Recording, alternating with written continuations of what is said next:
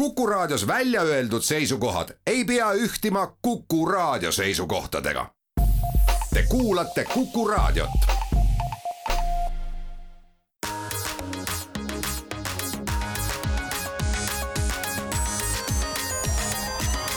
digitund. digitunnile ja digimaailmale annab hoogu Telia tere hommikust, head Digitunni kuulajad, alustame siit oma kahe tuhande kahekümne kolmanda aasta esimest saadet. laua taha on meil siis kogunenud äh, Digitunni Nostradamuste kollektiiv koosseisus Mait Tafenau, Indrek Vaheoja ja Andrus Raudsalu. ja vaatame nüüd peale sellele, mida me ennustasime,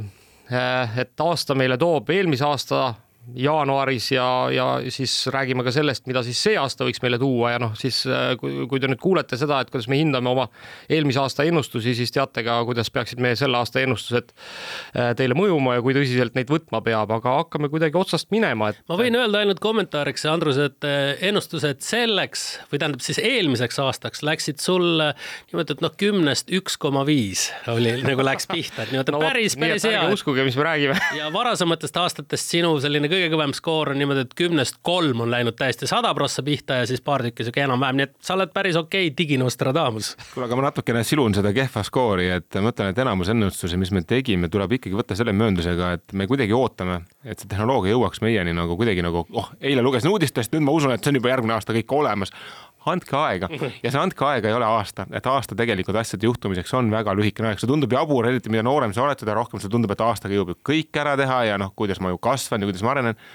mida vanemaks sa saad, seda rohkem sa saad aru, et asjade juhtumine võtab aega. autod, autodes kõik tehnoloogia, mida me näeme, sorry, see on neli aastat vana. see, mis meil on taskus see on kaks aastat vana, isegi kodus riiulis on sul tegelikult valdavalt aasta või kaks vanad asjad, selles mõttes isegi kui sa ostad selle täna poest oma tipparvuti, siis sorry, see tegelikult juba on nagu aasta vana sellest, mida me tegelikult oleme uudistest lugenud, mis on võimalik. nii et selles mõttes võtke mööndusega ja tegelikult õigeks punkte lugeda, ma arvan, kolme aasta pärast no, no ei maksa ära unustada. kusjuures, kusjuures siiski, siiski ma siin tahaks, kui sa hakkasid autodest rääkima, mul tuli kohe üks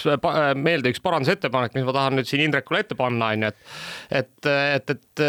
noh muuseas, ma arvan, et selle võiks nagu maha arvata, kuna seda me ikkagi ei teadnud ette arvestada, et et ma ennustasin, et Kuvaldaga parandatavaid autosid enam ei tule maailmas. et noh, ja me tõesti ei teadnud, et, et, et saabub selline koletu sõda Ukrainas ja me ja noh, ütleme, et sellega seoses Kuvaldaga parandatavad autod muidugi on saabunud Venemaale tagasi ehk laadad on jälle tootmises aga.... ilma igasuguste elektrooniliste lisadeta. just, aga, aga see on nüüd nagu küll see asi, et mida me ei osanud kuidagi ette aimata. no sõda jah, me ette ei osanud no, ennustada. see on ikka force majeure, see ei ole enam just. nagu. aga Andrus, igal juhul jaa, see oli väga hea ennustus sul, et ikkagi Kuvaldaga parandatavad autod tulid tagasi maailmas no vot nii, aga kuulge, lähme siit kuidagi otsast minema, et äh, möödunud äh, jaanuaris rääkisime me siis kõvasti sellistest asjadest nagu metaversum ja NFT ja DAO ja noh, kui nüüd päris aus olla, siis ma arvan, et, et alguses, päris aasta alguses ikkagi oli seal ümbruses veel päris kõvasti sellist entusiasmi. Aga paraku vist metaversumis küll nagu ühtegi sellist eh, noh, põhjapanevat arengut ei ole tulnud, noh tõsi, ütleme, et need mingisugused platvormid noh, nagu Roblox ja, ja, ja, ja mõned teised on ikkagi noh, vaikselt hingitsevad ja saavad kasutajaid juurde, aga, aga noh, mingisugust massilist kasutajate voogu sinna me ei näe. Ja noh, meta nüüd oma metaversumi katsetustega ikkagi ka väga kaugele jõudnud ei ole. Vot see on muidugi jälle suhteline, et selles mõttes, kui me vaatame seda normaalset arengut, siis nad investeerivad sinna jätkuvalt suuri rahasid ja lihtsalt küsimus on selles, et kui kaua tegelikult läheb aega, et need nagu tehnoloogiad arenevad selliseks, et me tegelikult ostame neid mingil põhjusel rohkem. kuna need nii mahukalt investeeritakse, siis ma usun, et see aeg ikkagi tuleb. lihtsalt küsimus on, kui kiiret aega me nüüd ennustame. kas, kas, kas, kas siis, kas me võiks siis ennustuseks panna näiteks selle, et, et sellel aastal juhtub see, et Horizon Workroom'is enam seina külge kinni jää, avatar ei jää no mul on põnevam küsimus, et kas see Apple'i oodatud nagu virtuaalreaalsuse tehnoloogia üldsegi jõuab sellel aastal müügile vot see on, see on jah, üks huvitav küsimus, noh, mina pigem kaldun arvama, kuigi noh, jätkuvalt igasugused äh, kuulujutud selle ümber käivad, et äh, küll ta on ikkagi tulemas, küll aasta esimesest poolest on need kuulujutud lükkunud juba aasta teise poolde, aga noh, vaadates seda lihtsalt, kui kehvake ikkagi on nagu meta pingutus nagu selles valdkonnas ja noh, ja, ja seal ei ole küsimus isegi mitte tarkvaras, noh, kus see, okei okay,, see, et avatar jääb seina külge kinni, noh, see on noh, see on eks. see on tarkvara viga, eks, aga küsimus on on selles, et, et needsamad ekraanid, mis sul silmade ees on seal selles virtuaalreaalsuse prillides, on ikkagi nagu noh, väga viletsad selle jaoks, et tekitada mingit noh, päris tõelisuse nagu tunnetust. ja see on, ma arvan, tehnoloogiline probleem, mida ka Apple ei suuda lahendada, vähemalt ei suuda lahendada nagu poole aastaga, nii et noh, mina pakun, et need prillid tulevad heal juhul ülejärgmine aasta, võib-olla järgmine aasta. ma isegi korrigeeriks nii palju, et ühesõnaga, kui need prillid tulevad, siis arvestage, alguses nad ka kohutavalt kallid, no nagu esimesed iPhone'id, nad olid küll levisid, eks ju, ja väga kiiresti ja võiks öelda, et järgmine iPhone müüs veel kolm korda rohkem kui esimene, sest mida väiksem sa oled, seda kergem on sul teha niisugust suurt mitmekordset kasvu. ja ta kindlasti selle mitmekordse kasvu teeb iga aasta, selles mõttes ka juba praegu need quest'id, mis poest saadaval on, need on ju väga võimsad, väga ägedad. see, et me näeme seal piksleid, paneb seal ikkagi veel probleemi ette, mingitel inimestel jääb süda pahaks, mänge on seal võib-olla vähem aga ta ikkagi kasvab. aga kui me räägime plahvatusest, noh, päriselt niimoodi. no et jõuaks ikka, massidesse, eks. no ikka nii, et enam-vähem igas kodus on ikka mingisugune kiiver on olemas, noh, sorry, selleni läheb ikkagi kümmekond aastat. et selles mõttes nagu lepime kohe kokku, et see ei ole see, mida me räägime plahvatusest, aga me räägime sellest, et ta ikkagi nagu kasvab sama kiiresti edasi nagu praegu. ja lihtsalt ma arvan, et see suurema revolutsiooni hetk tekib siis, kui keegi leiab sinna tehnoloogia, kus see pilt läheb väga nagu palju teravamaks. ja nüüd läheb veel omakorda sealt kaks aastat, enne kui see jõuab nagu taskukohase hinnani. kui, kui ja ikkagi, ikkagi peab keegi leidma sellele sellele ka mingisuguse praktilise nagu väga kasuliku kasutusjuhu jah, noh see, et, et sa istud nagu ilma jalgade ja käteta mingisuguses koosolekuruumis ja sul on peas nagu siis äh, niisugune multifilmi peaeks, mis üritab sinu nagu näoilmeid jäljendada, noh, ma ei tea, kas see on nagu see. ma ütlen ausalt, et I don't care, see ei ole see, mille jaoks mina selle võtan, aga mulle väga meeldis mul ühe sõbra lähenemine, kes ostis endale Quest kahe ja lõpuks ostis ka teise komplekti naisele veel juurde ja ütles, et jõle lahe on see, et sa paned selle püsti, sa teed omale virtuaalse elutoa, sul on seal näiteks arvuti viie ekraaniga, sa pöörad pead ja sul on kohe teine või kolmas või neljas monitor ja saad seal päriselt asju teha, okei okay,, see pilt on võib-olla natuke piksline, aga ütles, et väga lahe, et panin ühest nurgast, panin mingit telekaprogrammi endale käima, teises monitoris tegin mingit koodi, kolmandas vaatasin mingit preview'd, tegelikult sai elada ja siis ta mängib seal mingeid mänge, eks ju, mis on sinna kohandatud ja tegelikult selle jaoks on ta okei okay. no. see, et Indrek on poole pea või Andrus on pool ilma jalgadeta, I don't care. see on ikkagi tehnoloogia friikidele. sellega ma, sellega ma olen sulle nõus, aga kui sa nüüd nagu noh, kuvad endale sinna sellesama, selle kehva resolutsiooniga ekraani peale viis monitori on ju, noh, mis kõik ju jagavad selle nagu väikse ekraani resolutsiooni, siis nende viie monitori resolutsioonid on ikka eriti kehvad, on ju. on, on, ma olen nõus. ma ikkagi, ma, ma, ma, ma nagu seda tõsiseks use case'ina täna ei võta, aga, aga vaat siit tekib tegelikult järgmine küsimus, et, et mis siis on see Apple'i killer product järg-, sellel aastal, et, et, et, et mis siis, millega, millega ta siis välja tuleb? selle eelmise asja kohta ütlen ühe asja veel, et vaata, küsimus ei ole alati nagu selles, et me peame kasutama, vaata kui sa ostad endale virtuaalreaalsuse kiivri, siis mõtled, et oh, väga hea, ma nüüd tahangi virtuaalset reaalsust ja tahan näha siin virtuaalset Andrust või Maitu või Indrekut, eks ju, et noh, see ei ole tegelikult see, mille jaoks ta on. iga asjal leidub lõpuks ikkagi oma väljund, väljund, et, et noh, ma arvan, et kui sa näiteks sisekujundaja oled, ma arvan, et see on parim võimalik vahend üldse nagu tajuda seda, millist kodu ma endale ostnud olen või millist asja mulle sisekujundaja näiteks siis tegi, kui mina nüüd tahan kogeda tunnet, kas mulle kõik meeldib, sest vaadake üks asi on selles, et sa lased kellelgi midagi paberi peal valmis joonistada see tundub jube vinge, aga päris reaalsuses lõpuks ikkagi, kui see näpu vahele jõuab, siis me avastame tuhat asja. no sa tahad neid klotsikesi ümber tõsta, sa tahad ju hakata kujundama, et ei, et paneme selle pildikese nüüd mitte siia seina, vaid teise seina ja selle lauakese siia te ja teise. tundub teistmoodi mm, -hmm. sa ei tea enne, kui sa ei ole selles olnud, vot see on ja, see ja, probleem. aga nii kaua, nii kaua ikkagi, kui resolutsioon on kehva ja see ei tundu sulle tõelisusena, on see asi jama. ma olen nõus, pigem vaata isegi küsimus ei ole ainult ekraanis, vaata küsimus on ka selles jõudluses, mis nagu arvutimängudes, et kas need varjud on, kas see reflektsioon on, kas see noh, diivani pehmust samuti ma seal ei tunne, aga ta on väga väga suur samm lähele sellele, et ma tunneksin enne maja ehitust, et kas mul selline ruumiasetus mul ikkagi sobib kuule, aga, aga, aga, aga mina, ma tuleks ikkagi oma eelmise küsimuse juurde tagasi, et, et, et, et kui nüüd Apple'i prille ei tule, et mis siis on Apple'i killer product sellel, sellel aastal, kas, kas tõesti nagu USB-C-ga telefon või? või üldse ilma juhtmeta, eks ju? no seda üldse ilma juhtmeta, seda juttu me pakkusime eelmisel aastal, eks ole, et tuleb ja noh, sellekohaseid vihjeid on ju, on ju tehtud, et, et e-SIM nagu siis no kui siis tuleb ja võidab, et, et tulevikus siis nagu sellist füüsilist SIM-kaarti kui sellist enam noh, kasutada ei saa. aga ma ütleks selle Apple'i killer produkti kohta, et ega neil ühelgi aastal tegelikult niisugust killer hüpet ei ole olnud, et noh, iPhone neliteist kaamerate poolest on väga sarnane kolmeteistkümnele, aga siiski üks suur hüpe oli edasi megapikslites. aga mõned aastad on olnud niimoodi, kus ma mäletan, et Apple'i kõige suurem innovatsioon oli õhupallidega SMS-id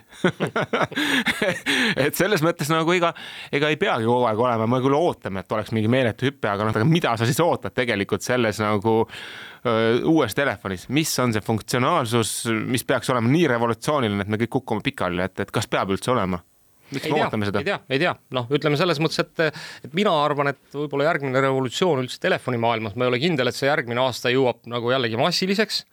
aga me teame, et, et erinevad tootjad ja,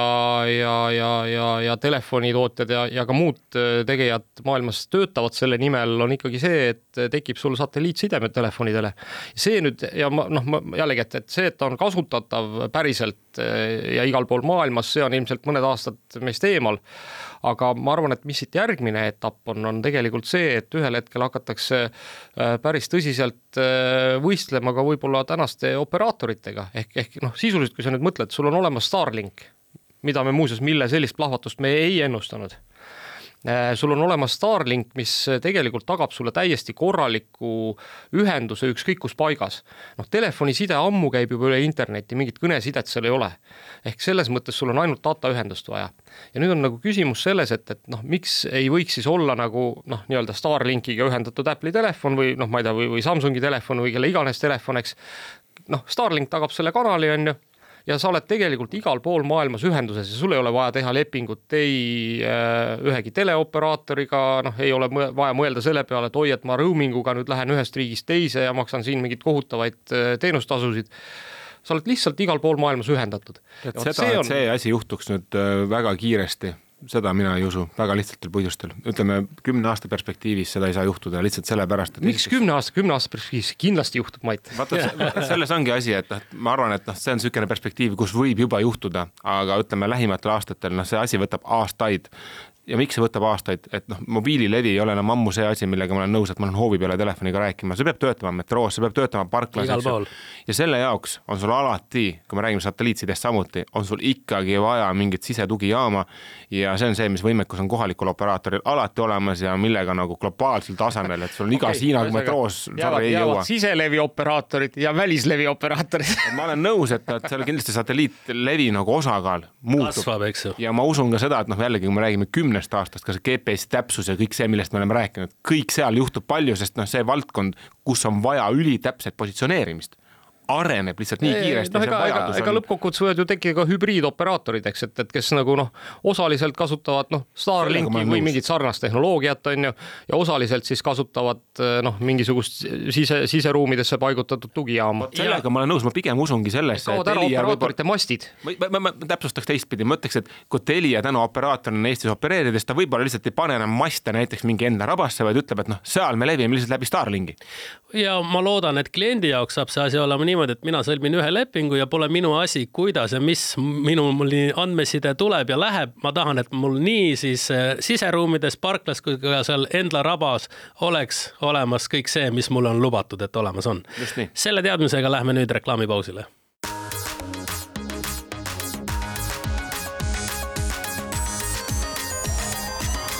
digitund. digitunnile ja digimaailmale annab hoogu Telia digitunni teine veerand on eetris, stuudios on Nostradamused äh, Mait Tahvenau, Indrek Vaheoja ja Andrus Raudsalu. Ja räägime sellest, mis, millega me möödunud aasta ennustustes mööda panime ja mida me siis selleks aastaks ennustame ja kui me siit telefonide juures lõpetasime, siis võib-olla lähme edasi, et ma mäletan, et me ennustasime seda, et Apple Watchis tuleb siis vähemalt vererõhu mõõtmine või vähemalt vere alkoholisisalduse mõõtmine. noh, kumbagi ei tulnud loomulikult. kuigi, kuigi, kuigi ma ütleks, et tegelikult tuli üks palju olulisem asi, mida me isegi ei suutnud ette ennustada, nimelt temperatuuri mõõtmine ja noh, nüüd jällegi, et, et kui see tundub nagu niisama oma kehatemperatuuri mõõtmine suhteliselt nagu noh, pointless, siis, siis kui me mõtleme selle peale, et, et, et see on tegelikult ikkagi võimalus, kuidas ennustada äh, siis äh, naistel neid hetki, millal nad äh, on valmis lapsi saama ja neid, millal mitte, siis, siis tegelikult noh, ma arvan, et selle tehnoloogia massidesse minek on palju olulisem kui see, et mõnedele üksikutele inimestele ennustada seda, et kas nad täna võivad autorooli ronida või mitte, kui nad ise sellest täpselt aru ei saa. nii et noh, ma arvan, et Apple tegi oma õiged valikud no Apple'i puhul me rääkisime seal veel sellest, eks ole, et juhtme mm, või tähendab juhtmete kadu ja kõik muu selline, aga sellega seoses võib-olla üks teema, millesse me väga ei äh, suutnud noh, siis äh, minna tookord on ju see, et Euroopa Komisjon võttis meil eelmisel aastal vastu siis sellise otsuse, et, et nüüd edaspidi meil hakkab olema siis üks ja universaalne laadimispistik erinevatel elektroonikavahenditel. Ja no ma ikkagi no kuigi see veel sellel aastal meil vist ei jõustu, siis ma arvan, et äh, läheb see asi nii, et äh, noh, järjest vähem meil peab neid erinevaid laadijaid ikkagi olema, hoolimata sellest, et see on selline noh, doktor Obvios ennustus, et, et see nii on kirjas, et see sünnib, aga, aga ma ütlen, et me liigume sinna. tead, ma ütleks siia niisuguse huvitava mõtte kõrvale, et, et kui äh, me oleme ühest küljest arutanud, et tuleb juhtmevaba ja noh, tõesti Apple üritab innoveerida, siis ma arvan, et siin on nagu see teine külg veel et äh, Apple on väga tuntud ka donglite müüja, nii et nüüd võime teha teistpidi küsimuse, et noh, et kui palju te usute, et, et, et, et ikkagi kaovad juhtmed ära versus, et Apple jätab alles võimaluse müüa neid vahvaid. ma arvan, et need donglite business läheb vaata et veel suuremaks, kui ta, kui ta praegu on, et, et see, see ära küll ei kao, see oleks väga rumal nendel see ära kaotada. pigem tekitaks sinna võimalusi, eks ju, vähemalt Pro telefonidel, et saad ikkagi sinna järgi panna mingi mälukaardi, tekib rohkem funktsionaalsust sellistele asjadele, mida muidu tehti Lightning pistiku kaudu, siis nüüd anname sulle teistpidi, et tahad saada mingit vägevat Apple'i soojuskaamerat kaamerat, paned mm -hmm. sinna alla juhtme järgi ja vaatad. nõus issand, issand appi, lõpetage seda, ärge, ärge, jätame selle ennustuse, jätame selle hakkab... ennustuse parem tegemata. ma teen ennustuse, et Andrusel aastal kaks tuhat kakskümmend kolm tekib üks donglite sahtel juurde koju, et neid on veel nii palju vaja. kindlasti on mingeid asju, mida sa tahad, see on ise väga ühendada ja siis me rääkisime sellest, et macOS äh, jõuab iPadi peale, ei jõudnud iPadi peale, nii et siit võime endale panna miinuse kirja ja äh, rääkisime ka sellest, et, äh, et siis äh, füüsiline SIM kaob ära äh, telefonidest ja see nüüd noh, ma arvan, et siin, siin, siin, siin me võime panna endale pool punkti, nii et ma arvan, et kui see Ameerikas juba korra on juhtunud, siis küll ta juhtub ühel hetkel ka mujal. et noh, kindlasti meie jaoks on küsimus jätkuvalt see, et mis saab siis äh, äh meie SIM-kaardiga allkirjastamisest et mulle tundub aga..., et see juhtub niikuinii, et aga, lepime kokku, et mina panen siia praegu selle kaardi, et, et järgmine aasta iPhone viisteist eh, samamoodi ka Euroopas tuleb ilma SIM-kaardita. okei okay., väga hea, aga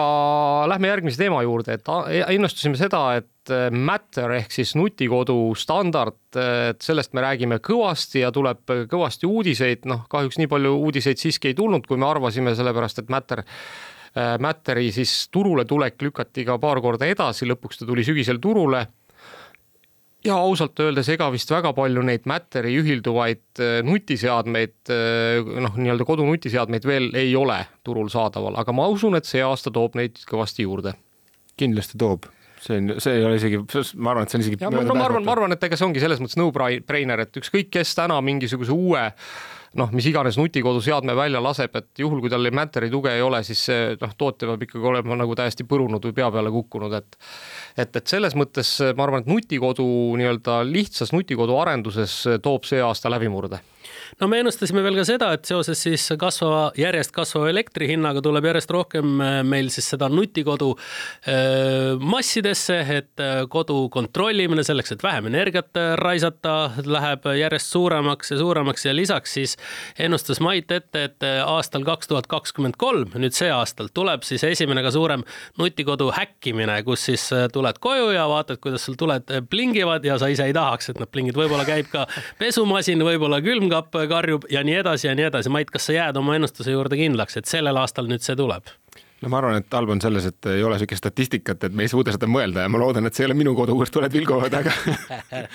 aga, aga kindlasti see risk nagu suureneb selles mõttes ja kindlasti nendest asjadest peab rohkem nagu rääkima hakkama. ja mina ütlen ausalt ise juba olen mõtelnud selle peale, et mis asju ma ikkagi kodus wifi'sse võtan, panen, et televiisori võtsin läinud nädalal wifi'st ära ja jõudsin järeldusele, et ma ei taha telekast otse ühtegi rakendust kasutada. eemaldasin absoluutselt kõik Netflixid, kõik muud asjad ära, jätsin ainult oma boksi sinna järele ja, ja ma leidsin, et miks ma pean hoidma mingit telekat, millele uuendusi ei ole tulnud aasta jooksul mitte kordagi enam, kuigi uus telekas ei taha hoida üleval asju, mis ei, ei vaja, vaja reaalselt väljundit. jah, see muidugi annab sellele, ütleme, nutikodude häkkimisele täiesti uue skaala, et noh, kui vanasti, eks on, olid nagu mingid niisugused äh, kõvad häkid, et kus võeti mingi üks pilvel õhku ja eks ja siis pandi seal peal kuidagi nagu noh, tuled jooksma, eks on ju, et et nüüd, nüüd, nüüd on siis see, et võid võtta näiteks äh, noh, ma ei tea, mingi satelliidi, satelliidipildi ja siis panna nagu seal peal, eks tuled blinkima erinevates linnades. mängima jah, aga no vot sellist, ega ongi sellist nagu laia tarbe mõistes plahvatuslikku nutikodu kasvu ei tulnud, eks ole, aga, aga samas ongi jällegi see, et, et mis on see plahvatuslik, fännide seas ja, ja asjast huvitatud seas kasv loomulikult toimus. mina arvan jällegi, statistika puudub, aga ma arvan, et äh, vähemalt nagu vaadates, palju seda teemat on käsitletud ka peavoolumeedias ja tuues näiteid igasuguseid, kus üks pereisa on jälle teinud endale kodu juhtimise, elektri häkkimise mingil viisil võimalikuks, eks ju, siis ma ütleks, et äh, ka ilma statistikata julgen arvata, et see on olnud ikkagi mitu korda ja selles mõttes, kui keegi saaks kunagi öelda, et ma mitu korda aastas kasvanud, ta kindlasti seda teeks. nii et see ja, ja kindlasti see kasv jätkub, et, et mida rohkem neid lahendusi tekib, seda rohkem tekib inimestel soovi ja neid inimesi, kes ka pakuvad selliseid teenuseid, tuleb kindlasti juurde kuulge, aga, aga nüüd äh, minnes hoopis teisele teemale, et äh, üks asi, mida me kindlasti ei ennustanud möödunud, äh, oma möödunud ennustuses on siis see, et, et toimub selline tehisintellekti plahvatus. Et me küll rääkisime tehisintellektist ja sellest, et ta muutub järjest olulisemaks, aga noh, sellist plahvatust me kindlasti ette ei näinud ja tegelikult selle plahvatuse taga on ikkagi väga selgelt noh, ma arvan, et kaks siis suunda, eks. Üks on äh, Tally ja Stable Diffusioni sarnased äh, siis robotid, kes joonistavad teile kõikvõimalikest asjadest pilte. Ja teine on siis GPT-3, mis äh, oma võimekusega ikkagi noh, mõnes mõttes võib-olla üllatas, heas mõttes meid kõiki, eks, et, et kes äh, ikkagi äh, noh, ei ole veel kursis, siis otsige üles, minu arust oli see üks jaanuari või veebruarikuu üks Digitunni saade eel, eelmisel aastal juba, kus me siis natuke äh, olime, kajastasime seda, kuidas siin Eesti inimesed mängisid äh, GPT kolmega ja milliseid tekste ta siis äh, suutis luua. Äh, ja noh, tänaseks on siis äh, tulnud turule ka chat GPT, mida igaüks saab proovida, mis on siis GPT kolme üks äh, selline noh, derivaat koos siis kasutajaliidesega. kusjuures me tegelikult proovisime seda ka, et ütlesime chat GPT-le, et noh, mõtlesime, et saame lihtsalt hakkama, et tee kahe tuhande kahekümne kolmanda aasta ennustused tehnoloogia valdkonnas, aga selle peale chat GPT ütles, et tema on ikkagi kodurobot, kes, kellele ennustuste tegemist ei ole ülesandeks pandud, nii et tema seda ei tee aga samas ma küsiks nüüd teisipidi, et kui me tahame selles valdkonnas midagi konkreetset ennustada, mida oleks võimalik ka kuidagi mõõta, siis äh, mis te arvate, mitu skandaali tuleks järgmisel aastal selles teemal, et kas keegi on siis äh, kasutanud kunstirobotit või kõnerobotit viisil või teisel mingisuguse nagu omandiõiguse või, või muu asja ma rikkumiseks? pakun, et päris mitu siis nii-öelda plagiaadiskandaali tuleb seoses kõrgkoolide nii kursusetööde, aastatööde, kõige sellisega, seepärast et äh, nüüd ei ole enam seda probleemi, eriti kui kirjutada siis inglise keeles neid töid, et noh, et see roboti grammatika oleks kuigi niivõrd kehvem või et lauseehitus selline konarlik, sellest juba praegu väga hästi aru ei saada ja tudengid väga aktiivselt kasutavad muide seda võimalust juba, et siis oma esimesi teadustöid teha äh, chat roboti ja siis tehisintellekti abil, nii et ma ennustan, et sellel aastal me satume Keegi paari sellise. jääb vahele. jah, või siis on niimoodi, et õppejõudude kontroll siis käib ikkagi samm tagapool, et nad ei ole jõudnud jaole saada, kuigi noh, õppejõud meil on ka väga pädevad siiski, aga no selge see, et kuritarvitajad käivad sammu eespool, ma pakun, et selline skandaal tuleb. aga kas mingisugune ütleme ka mõne inimese või kodaniku, ütleme siis võltsimine, järeletegemine, tänu sellele, et see kuidagi kõik on nagu saanud väga kättesaadavaks, ehkki küll kontrollitud veel viisidel, ei ole veel teada, et oleks kuskil nagu nii vabalt keegi endale kodus seda teinud, et suudab seal oma piiranguteta maailmas genereerida kellegi teise kõnet, aga, aga kas võib juhtuda olukord, kus ma ei tea, siis kasvõi viidates eh, Putini Venemaale, kasutab juhust ja ütleb, et näed, siin on video, kuidas Ameerika president räägib teist või kolmandat ja, ja, ja see kvaliteet on selline, kus juba nagu tõesti on raske vahet teha, kas tegemist on päris presidendi või mitte. võimalik jah, ja võib-olla tuleb ka selline juhtum, kus siis no näiteks on vaja ennast eh, virtuaalselt kuskil identifitseerida et äh, suudetakse esimest korda äkki ka mõni selline, äh, selline seadeldis ära petta, kus siis pannakse noh, ma ei tea, deepfake'iga nägu ja, ja hääl külge sellele, kellel ei ole vaja seda külge panna no igal juhul panustame, et mingi skandaal sellega seoses tuleb, kas siis ülikoolide valdkonnas või kellegi fake imisest, midagi usume, et tuleb. ma ei tea, Andrus, kus sina lähed? mina, mina arvan, mina arvan, et me saame näha ka huvitavaid ajakirjanduslikke eksperimente, kus siiski mingisugused äh, noh, ütleme, et äh, lihtsamad reportaažid, noh, miks mitte näiteks spordireportaaž, äh, noh, ma ei, ma ei, ma ei pea küll silmas, eks seda, et, et Toomas Uba tuleb tagasi. et, et, et, et, et, et nii-öelda räägitud või, või, või, või raadiost tulevat spordireportaaži, vaid, vaid siis pigem noh, ütleme, et kui sa pead mingisuguse mängu kuskil kokku võtma, eks on ju, artikli näol, siis, siis seda ma arvan, kirjutama on igasugune tehisintellekt täiesti pädev juba täna nii, aga lähme siis siitkohalt reklaamipausile ja oleme juba mõne minuti pärast tagasi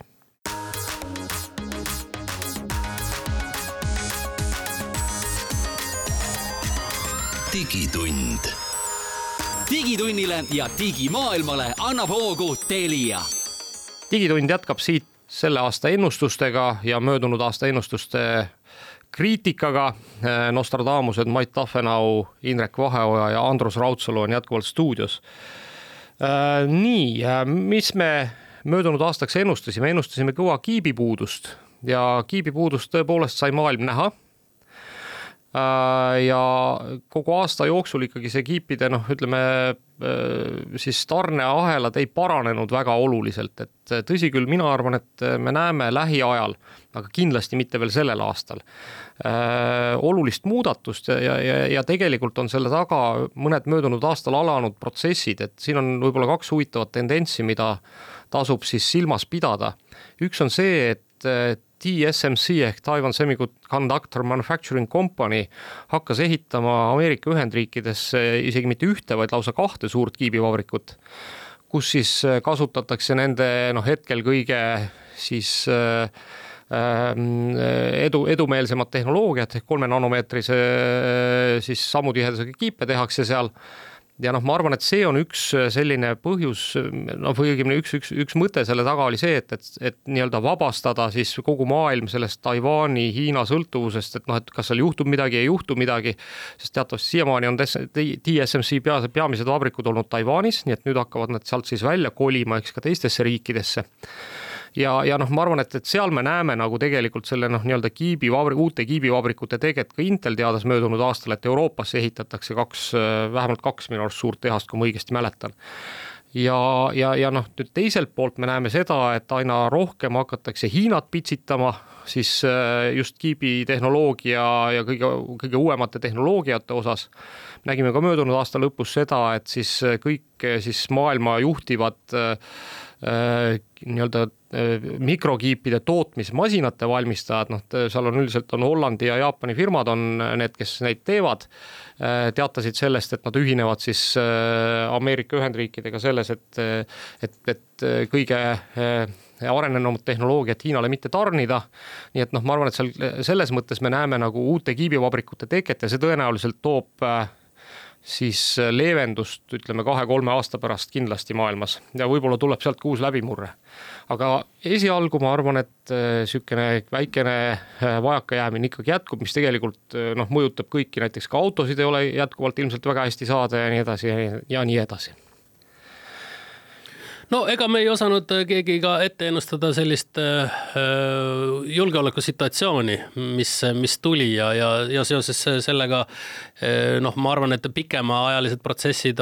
nagu hoiavadki väga palju sellist noh, sellist defitsiidi ja kõike seda ära, et kui jagatakse tootmine laiali, siis ei ole väga noh, kurb küll öelda, aga väga kahju sellest, kui keegi ründab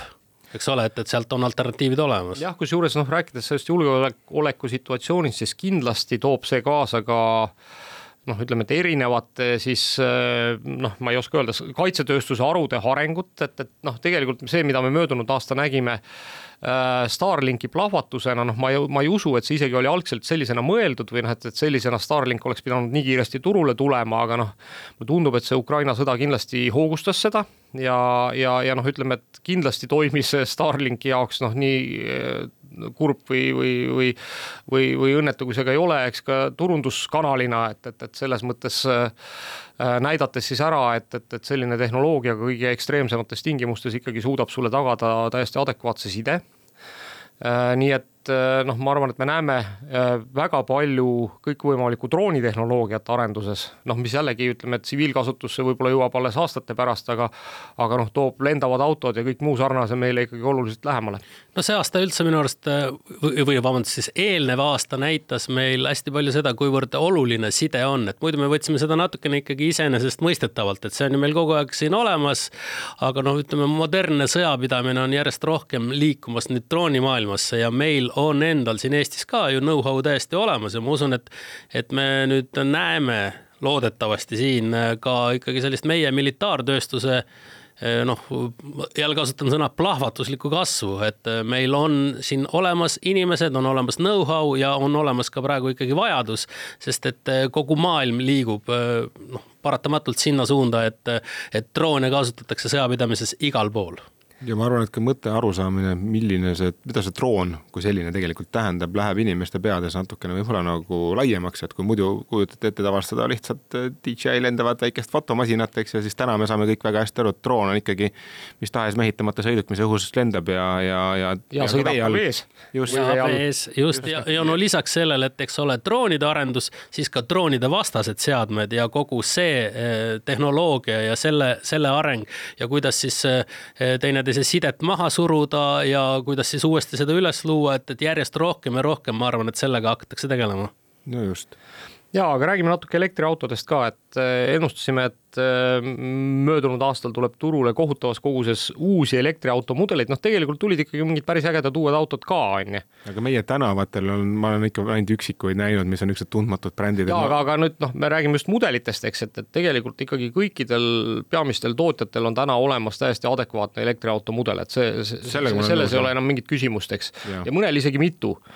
aga nüüd jah, tõepoolest, mida me ei näinud, ei näinud seda, et oleks tulnud meie tänavatel, muuseas seda me ka minu arust niimoodi ei ennustanud, et, et, et, et meie tänavatel autosid. oleks siis jah, mingid tundmatud Hiina brändid, kes oleks siis vallutanud meie, meie teed. ma arvan, et mina ütlesin selle välja ja ma tegelikult ütlen, et ma mõnda olen ka näinud, aga need on ikkagi nagu üliväiksed, eks ju, et noh, seal elektriautode grupis natukene käib läbi, kui keegi midagi põnevat näeb. ja ma arvan, et aga need on üksikud ikkagi. ma arvan, et see põhjus oli tegelikult selles, et tootjad lihtsalt ei suutnud toota et äh, pigem ei olnud mitte küsimus, et kas need tulevad, nad ikkagi, ma arvan, tulevad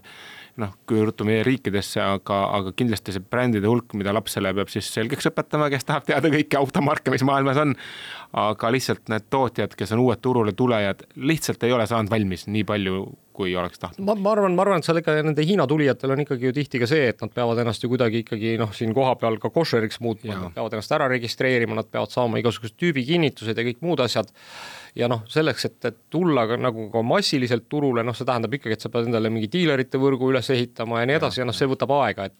et, et selle tõttu me tõesti mõne, mõnesid üksikuid näeme. aga, aga Aliekspressist tahaks juba tellida jah, aga, aga, aga noh, ütleme, et ma arvan, et elektriautode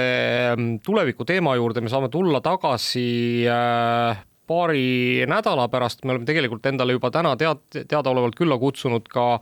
Alan Vahti Alexelast, kes on üks Eesti niisuguseid juhtivaid elektriautode asjatundjaid ja, ja ma, ma loodan, et Alan kindlasti suudab meile valgustada seda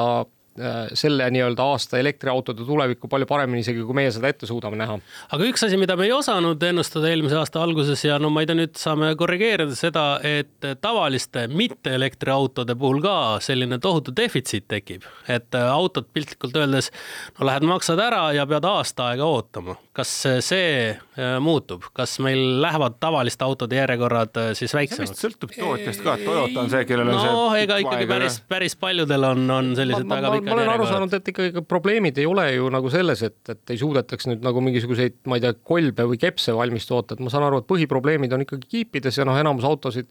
tänapäeval koosnevad ikkagi suuremas osas elektroonikast ja vähemas osas millestki muust. kui me nüüd Ladad ja Moskvitšid välja arvame, eks ole. aga ma mõtlen, kas mul ei meenu ühtegi teist juttu peale Toyotat, kellel on olnud probleem, et, et pead tõesti aasta otsa ootama, et ainult need on need. ei no mine, mine täna autosalongi ja ürita osta autot ja vaata. Volvodel, kõikidel on teistel on samamoodi on pikad ajad, kas nüüd aasta, sellega ma ilmselt nagu noh, võin liiga teha, aga, aga väga pikad no, on need ajad. on antud kolm kuud näiteks, noh, see on, ma saan aru, et noh, see on tõesti ebamugav, aga noh ütleme aasta, no sorry, see on niisugune aeg juba, kus ma võib-olla ei tea, ma ei tahagi seda autot enam. no just nimelt, just no, nimelt. mina, mina olen, mina olen kuulnud ka inimest, kes äh, siin natuke aega tagasi tellis endale auto ja, ja kätte saab siis kahe tuhande kahekümne neljandal aastal on ju. no mis auto see oli siis? ma ei, ma isegi ei mäleta ausalt öeldes. no vot, ma arvan, et see ongi see, et arvad, et mõtlesin, arvad, et muutsin välja selle, ei ma päris nii ei ole. ei, seda ma ei arvanud, aga lihtsalt mõtlesin, et. tellis Cybertrucki või? no just, just. Cybertrucki muide, mis siis oleks pidanud meil juba millal, paar aastat tagasi jõudma, siis eelmine aasta näitas, et jõudis eh, ikkagi nüüd USA liiklusesse ja kas siis Coca, ei Pepsiga tehti, eks ole. see, see Cybertruck on teine asi, see jõudis. see oli, see oli see semi see oli semi ja, ja, ja. Cybertruck on selline kastikas, millega saad jahile minna metsa. tõsi, tõsi, tõsi, minu viga. ja, ja Cybertrucki, ma ei tea, eks ta vist siis äkki sellel aastal jõuab, et võime seda ennustada suhteliselt vist julgelt praegu äkki või? kui Elon Musk muidugi ei äh,. ma kiusan sind, mis sa arvad, kas Eestisse ka jõuab? Ma arvan, et äkki isegi jõuab, et, et aga noh, ütleme, see kõik on see, et, et kui Elon Musk nüüd Twitterisse sada protsenti ei sukeldu, on ju, vaid tegeleb ikkagi oma teiste ettevõtmistega ka. aga, aga muuseas, mida me ennustasime, on see, et Elon Musk ostab mingisuguse äh, filmistuudio.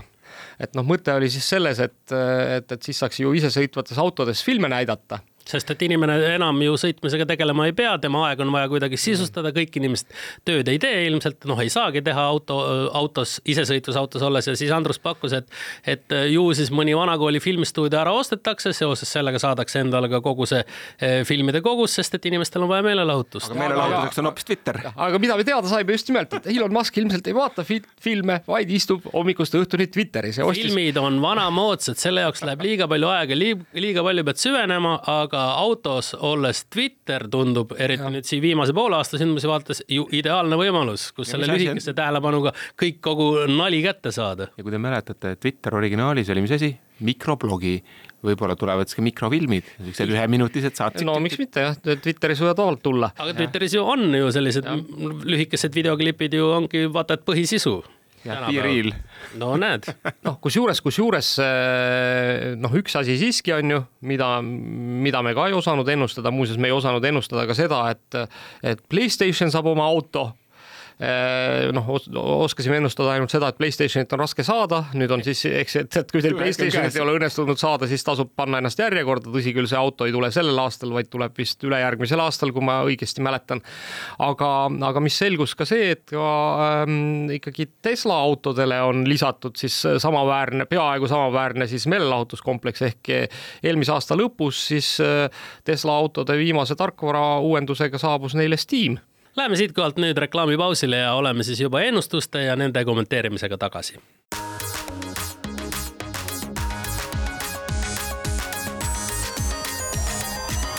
digitund. digitunnile ja digimaailmale annab hoogu Telia digitunni ennustusstuudio jätkab, stuudios on Mait Tafenau, Indrek Vaheoja ja Andrus Raudsalu ja räägime sellest, mis möödunud aasta meil toomata jättis ja mis sellel aastal siis saabuda võiks ja räägime natuke äkki ka krüptorahast, et äh, möödunud aasta alguses olime veel suhteliselt entusiastlikud selle suhtes, äh, noh, möödunud aasta tõi ikkagi päris suuri kataklüsme, aga ma arvan, et, et, et tegelikult äh, need kataklüsmid tõenäoliselt ikkagi toovad mingisuguse mõistliku arengu turule, sellepärast et selgeks on saanud see, et et, et, et kõik sellised tsentraliseeritud platvormid vajavad ikkagi väga suurt kontrolli. ja noh, see, kui me räägime krüptorahast, eks, et noh, mille idee oli ju see, et kõik on detsentraliseeritud ja selle tõttu siis Kontroll ei saa keegi, toimub iseenesest. et ei saa keegi kellelegi tünga teha, siis kui me räägime FTX-ist, mis siis möödunud aastal suure pauguga ikkagi lõhki läks Äh, ja mis oli maailma juht, noh, ütleme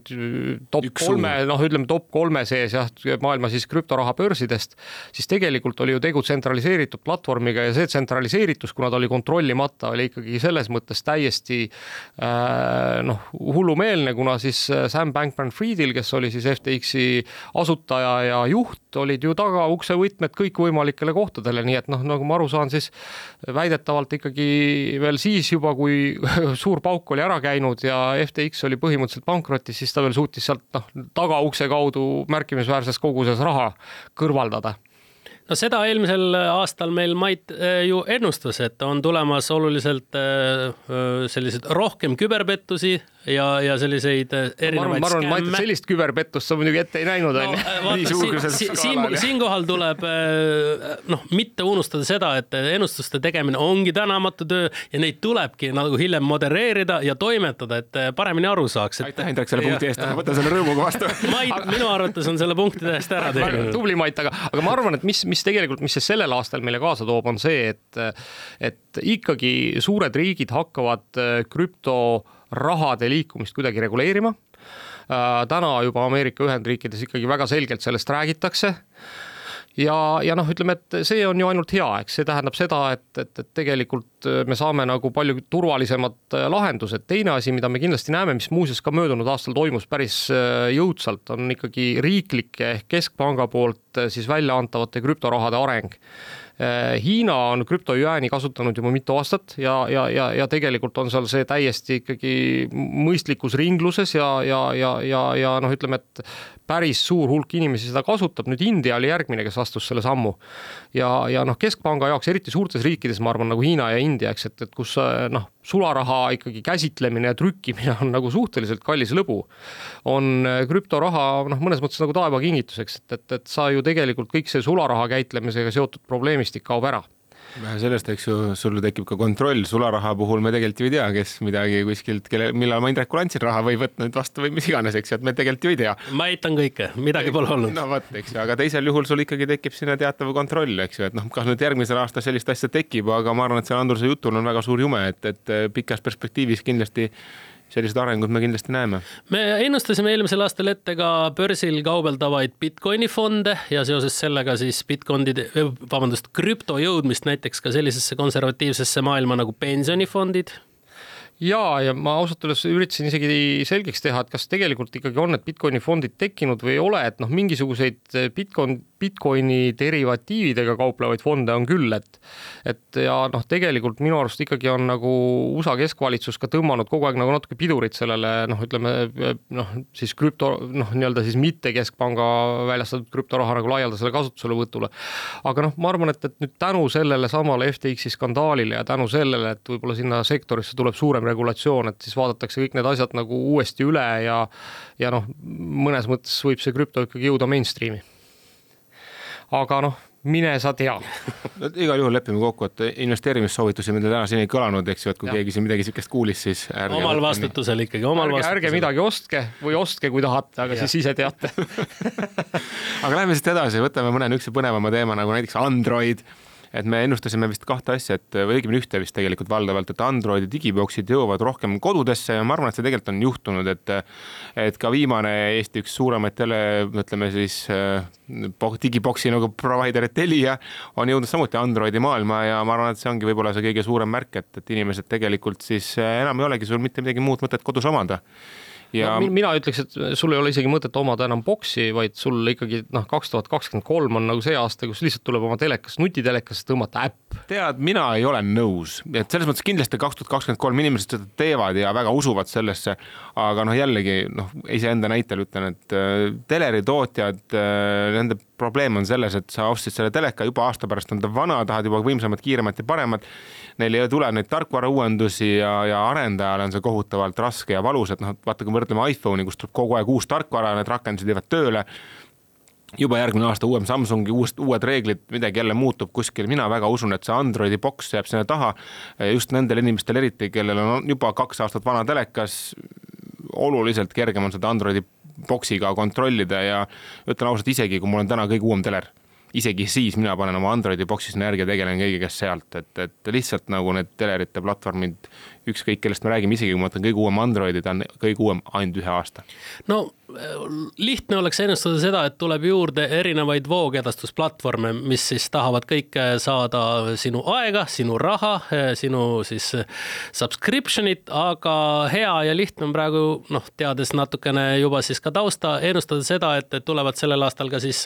sellised esimesed pääsukesed, kus sa teed ainult ühe liitumise ja siis vajadusel eh, platvormi siseselt siis valid, kas sa tahad siis vaadata seal Disney plussi või tahad Netflixi või mida iganes sa tahad vaadata, et inimese ja tarbija jaoks lähevad asjad kergemaks, sa ei pea kogu aeg siis võimlema, et oma tasuta kuu aega kätte saada ühest kohast, siis lähed üle teise, vaatad seal kuu aega kõik nagu jõuga ära, et, et läheb see pilt noh, konsolideerub see, see maailm. viimase poolega ma olen väga nõus, ma väga loodan, et järgmine aasta tulebki, tegelikult Telia ju tegelikult on vihjanud, et. no see, selle, pealt oli hea kerge ennustada, eks ju. ja, ja ma tegelikult ausalt öeldes usun, et see peab nii olema ka, sest tõesti nagu omada neid kümneid subscription'e, mis mul juba täna kodus on, mul tegelikult on see väsitav, et ma no, ei. kui sul pangakaart vahetub, vaheta seal igas, igas jumala subscription'is ära need andmed, sa nagu lähed hulluks selle peale. lihtsalt kohutav, noh päriselt ka, mul tõesti mingi aeg tagasi aegus ja issand, ma ei tahtnud sellega tegeleda, no tõesti ei taha tegeleda siukse jamaga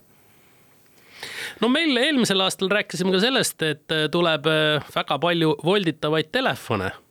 tuleb juurde, juurde, juurde volditavaid telefone. see on see koht, kus saab jälle öelda, et noh, ilmselgelt tuli, tuli, tuli, number... tuli, aga ainult ühest kohast põhiliselt Samsungist ikkagi, eks ju. aga noh, küsimus on nüüd julgelt, julgelt teile, mis te arvate, kas Apple ka ühineb selle ralliga? pagan seda teab, et ausalt öeldes ma arvan, et me siin ekraanitehnoloogias näeme igasuguseid naljakaid asju veel, et, et mulle ikkagi väga imponeerib ka see LG eelmisel aastal näidatud siis venitatavad ekraanid, noh, kus sa saad selle ekraani siis vastavalt vajadusele suuremaks venitada. ma arvan, et me peame tegelikult ootama siin nüüd nädalakese, et teatavasti algab ju kohe järgmisel nädalal äh, siis Las Vegases Consumer Electronics Show kus siis, vabandust, mis järgmisel, sellel nädalal juba mm, -hmm. mis siis äh, äh, noh, kus ikkagi tuuakse välja igasuguseid uusi veidrusi, nii et ma arvan, et järgmises saates me teeme neist ka väikese ülevaate ja ma arvan, et seda noh, milliseid ekraane me näha saame, seda kindlasti CES meile näitab aga ma usun, et nüüd on jällegi probleem selles, et noh, taskusse jõudmine võtab tavaliselt kaks aastat, nii et kui me seal midagi eriti ägedat näeme, siis on tore, kui mõni tootja näitab ka asja, mis on juba olemas, aga aga seal on ka palju asju, mis on alles tulemas, nii et venitatav, venitatava ekraaniga telefon võib-olla kellelgi on. Apple'i puhul ma arvan, et on natukene ikkagi selles osas konservatiivsed, nad tahavad tulla välja asjaga, mis päriselt ka töötab, peab mingisugusele koormusele vastu ja ma arvan, et see on ka põhjus miks Apple'il nagu volditavat tele, telefoni siiamaani olemas ei olnud. ja isiklikult ma usun, et vähemalt see aasta nad sellega veel ei tule, isegi kui ennustatakse ja, aga mida te robotitest arvate, et, et, et mul on tunne, et möödunud aasta oli ka ikkagi Äh, noh, suhteliselt selline suur robotite läbimurde aasta kõikvõimalikes valdkondades, et noh, olgu see siis logistika, noh, isegi minu pärast nagu Starship, eks on ju, kes on ju tegelikult ka üks robotite esindaja, on jõudnud noh, Tallinnas ikkagi aina laiemalt ja laiemat kõlapinda saanud, ma ei tea, kas minu arust vist mujal Eestis neid veel ei ole. Noh, me võime ju pulli, pulli, pulli pärast, pulli pärast ennustada seda, et nad jõuavad näiteks suveks Pärnusse julge pakkumine, jah, jah, aga kas me julgeme seda ka ennustada, et järgmisel aastal Starshipi robotid ka paksu lumega hakkama saavad? minu arust nad saavad, noh, ütleme, et mitte nii paksuga muidugi kui praegu, aga aga, aga, aga, aga tegelikult ikkagi on nagu suhteliselt hästi jah, vist hakkama saanud. ma pean teid parandama, mitte järgmisel, sellel aastal, me kuidagi unustame ära kogu aeg, sellel aastal, muidu me räägime nagu mingist ähmasest tulevikust mm. -hmm. see on ju kohe. ja, aga noh, tegelikult eh, ka igasugused muud noh, ütleme, et eh, mind, mulle õudselt imponeeris eelmise aasta lõpus tulnud uudis, kus siis räägiti Amazoni laorobotitest, eks ja noh, ja küll seoses sellega, et et Amazon plaanis ära kaotada triipkoodi, kuna noh, robotitel selle ülesleidmisega paki pealt oli raskusi ja noh, et siis robotid eh, ja nende eesmärk oli siis õpetada robotid lihtsalt pakke ära tundma juba noh, puhtalt välimuse ja ma ei tea, mõõtude ja mis iganes asjade järgi. ja noh, see, et ikkagi suured ettevõtted näiteks kuskil oma logistikahelates hakkavad järjest rohkem kasutama roboteid ja järjest vähem inimesi, noh, see ilmselt on vältimatu. Ja kõikvõimalikud kodurobotid ka, ma arvan, et selles osas järjest rohkem me näeme seda, et neid, neid saab kasutada alates sellest, kes siis äh, noh, aitab sul koristada, kuni selleni välja, kes üksikutel inimestel hoiab piltlikult öeldes kätt ja, ja hoolitseb vaimse tervise eest. ma isegi julgen siia ühe täiustuse tuua veel sisse, et mitte ainult robotid, ma arvan, et niisuguse rumala töö vähenemine on tegelikult väga tugev trend, et noh, me tegelikult näeme ju. automatiseerimine siis. absoluutselt, et noh, kohad, kus sa saad ikkagi, kui sul on telefon taskus, tee telefonist ära, sul ei ole vaja teenindajat eks ju, ja noh, kõiki muid asju, niisuguseid nagu rumalaid tööd ei taha inimesed tegelikult enam teha, see on ju täna selge. nälg sellise nagu lahenduste järgi on suur ja mulle tundub, et üha enam äh, kõik seda suunda võtavad. Ja ma arvan, ma arvan, et mida me näeme ka, on siis igasugused tehisintellektil põhinevad otsuste langetamise süsteemid, mis, mis järjest rohkem ja rohkem jõuavad massidesse, et noh, ka Eestis on siin, eks äh, äh Pactumi nimeline startup, kes äh, umbes sarnaste asjadega tegeleb, nii et äh,, nii et see, et ühel hetkel noh, ma ei tea minu pärast kasvõi jalka MM-i finaalis, eks äh, siis meeskonna treenerile mingi tehisintellekt sosistab kõrva, kõrva, et võta nüüd see mängija välja ja pane see mängija asemele, noh, see on täiesti realistlik stsenaarium juba järgmisel MM-il. ja ma usun, et kui panna üks võistkond lihtsalt tehisintellektist treeneriga mängima, ega see ei pruugi üldse halvasti minna, sest et noh mine tea, eks. kuule, aga see on, see on päris hea, keegi võiks seda ikkagi proovida, et, et äkki no, siin jalgpalliliit mingi..., äkki, äkki jalgpalliliit kuulab praegu meie podcast'i siis. aga siitkohalt Nostradamused tänaseks lõpetavad, kohtume järgmisel nädalal ja siis on teemaks juba ikkagi meil märksa asisemad ja tõsisemad asjad